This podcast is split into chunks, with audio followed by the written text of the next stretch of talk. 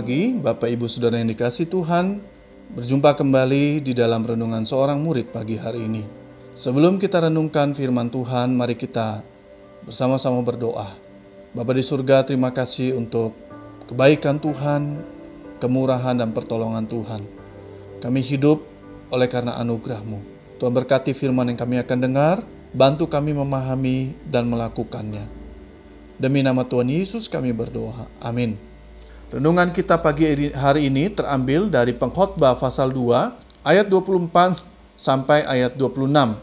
Tak ada yang lebih baik bagi manusia daripada makan dan minum dan bersenang-senang dalam jeripayahnya. Aku menyadari bahwa hal ini pun dari tangan Allah. Karena siapa dapat makan dan merasakan kenikmatan di luar dia? Karena kepada orang yang dikenannya ia mengaruniakan hikmat, pengetahuan dan kesukaan tetapi orang berdosa ditugaskannya untuk menghimpun dan menimbun sesuatu yang kemudian harus diberikannya kepada orang yang dikenan Allah. Ini pun kesia-siaan dan usaha menjaring angin. Tema kita hari ini adalah kesia-siaan hidup.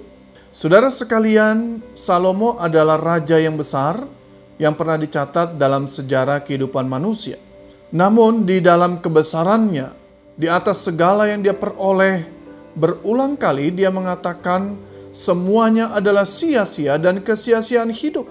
Dia merasakan ada ketidakpuasan, kekosongan, dan kehampaan yang besar dalam dirinya.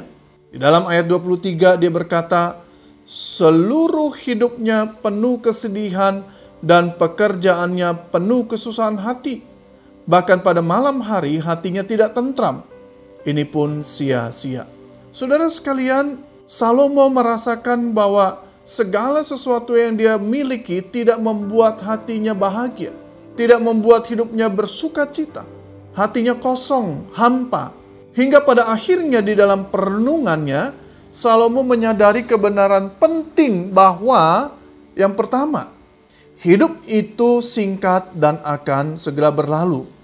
Ayat 16, ayat 18, ayat 21. Salomo dicatat sebagai orang yang sangat menikmati hidup. Dia mengatakan sendiri bahwa dirinya lebih besar dari siapa pun yang pernah hidup di Yerusalem sebelum dirinya. Ayat ke-9.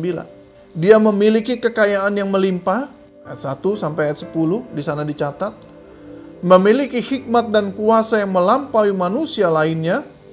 Ayat 12 sampai ayat 21.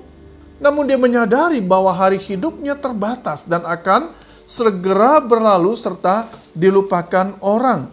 Dalam ayat 16 di sana dikatakan karena tidak ada kenang-kenangan yang kekal baik dari orang yang berhikmat maupun dari orang yang bodoh. Sebab pada hari-hari yang akan datang kesusahan kesemuanya sudah lama dilupakan dan ah orang yang berhikmat mati juga seperti orang yang bodoh. Salomo menyadari bahwa hidupnya akan segera berlalu dan dilupakan orang.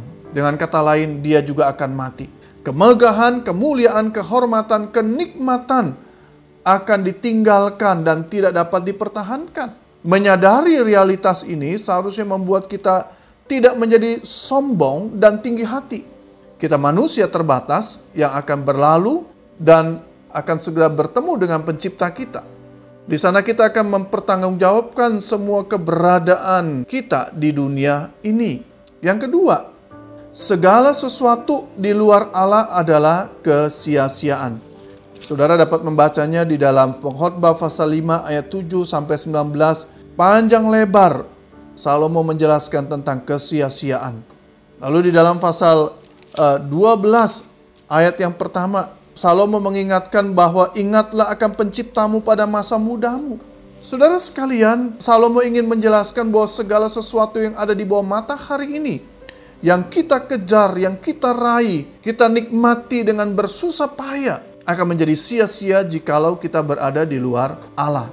Keutamaan kehadiran Allah dalam diri manusia tidak dapat digantikan oleh apa pun juga, baik itu harta, jabatan, kesenangan, kenikmatan, popularitas, pengakuan diri manusia, kehormatan, serta pemuasan keinginan manusia. Blaise Pascal pernah mengatakan, di dalam diri manusia ada ruang yang kosong yang tidak dapat diisi oleh apa pun dan oleh siapa pun juga kecuali oleh kehadiran Allah di dalam Yesus Kristus. Di dalam Allah kita baru dapat merasakan kenikmatan yang sesungguhnya.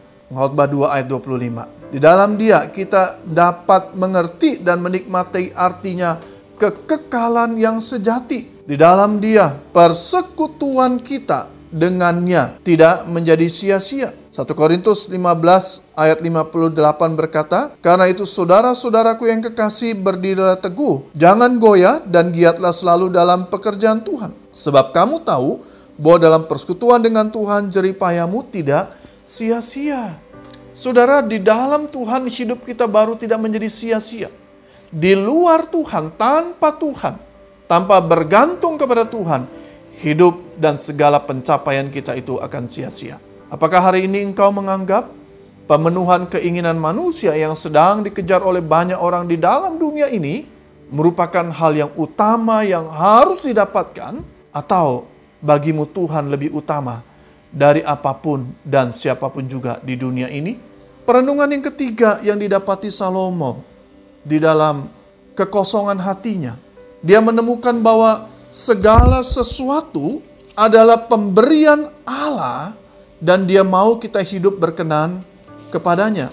Khotbah 2 ayat 25-26. Karena siapa dapat makan dan merasakan kenikmatan di luar dia? Karena kepada orang yang dikenannya ia mengaruniakan hikmat, pengetahuan dan kesukaan, tetapi orang berdosa ditugaskannya untuk menghimpun dan menimbun sesuatu yang kemudian harus diberikannya kepada orang yang dikenan Allah. Ini pun kesia-siaan dan usaha menjaring angin. Saudara, kenikmatan dan kebahagiaan yang dapat kita rasakan hari ini sesungguhnya adalah pemberian Allah. Siapakah yang dapat makan, minum, dan merasakan kenikmatan di luar Tuhan? Kekayaan materi, pencapaian yang kita raih adalah suatu titipan dari Tuhan, bukan otonom milik kita seorang diri. Ini seharusnya membuat kita lebih hidup mengucap syukur, lebih hidup mengasihi Dia, dan lebih hidup berkenan kepada Tuhan. Kata orang yang dikenan Tuhan di dalam ayat 26 itu punya arti orang yang hidupnya face to face dengan Allah. Muka dengan muka dengan Tuhan. Artinya apa? Artinya berkat Allah seharusnya membuat kita hidup lebih transparan di hadapan Tuhan. Hidup lebih benar di hadapan Tuhan, hidup lebih murah hati, hidup lebih suci, hidup tidak dipenuhi kepalsuan, hidup mencari perkenanan Allah, hidup untuk kepentingan Allah. Saudara, apakah berkat Allah hari ini sudah membuat kita hidup berkenan di hadapannya? Atau hidup dan berkat Tuhan membuat kita jauh daripada Tuhan? Saudara kiranya renungan pagi hari ini mengingatkan kembali kepada kita. Kesia-siaan hidup itu nyata bagi orang yang tidak dalam Tuhan, orang yang tidak hidup di kenan Tuhan. Kiranya Tuhan memberkati, mari kita berdoa. Tuhan berkati firman yang kami sudah dengar, sepanjang hari ini kami melakukan firman yang kami dengar ini, dan kami tidak menjadi sia-sia hidup. Sebaliknya kami hidup berkenan kepada Tuhan. Dengar sempurnakan doa kami dalam Yesus kami berdoa. Amin. Selamat pagi, selamat beraktivitas. Kiranya Tuhan memberkati kita sekalian. Amin.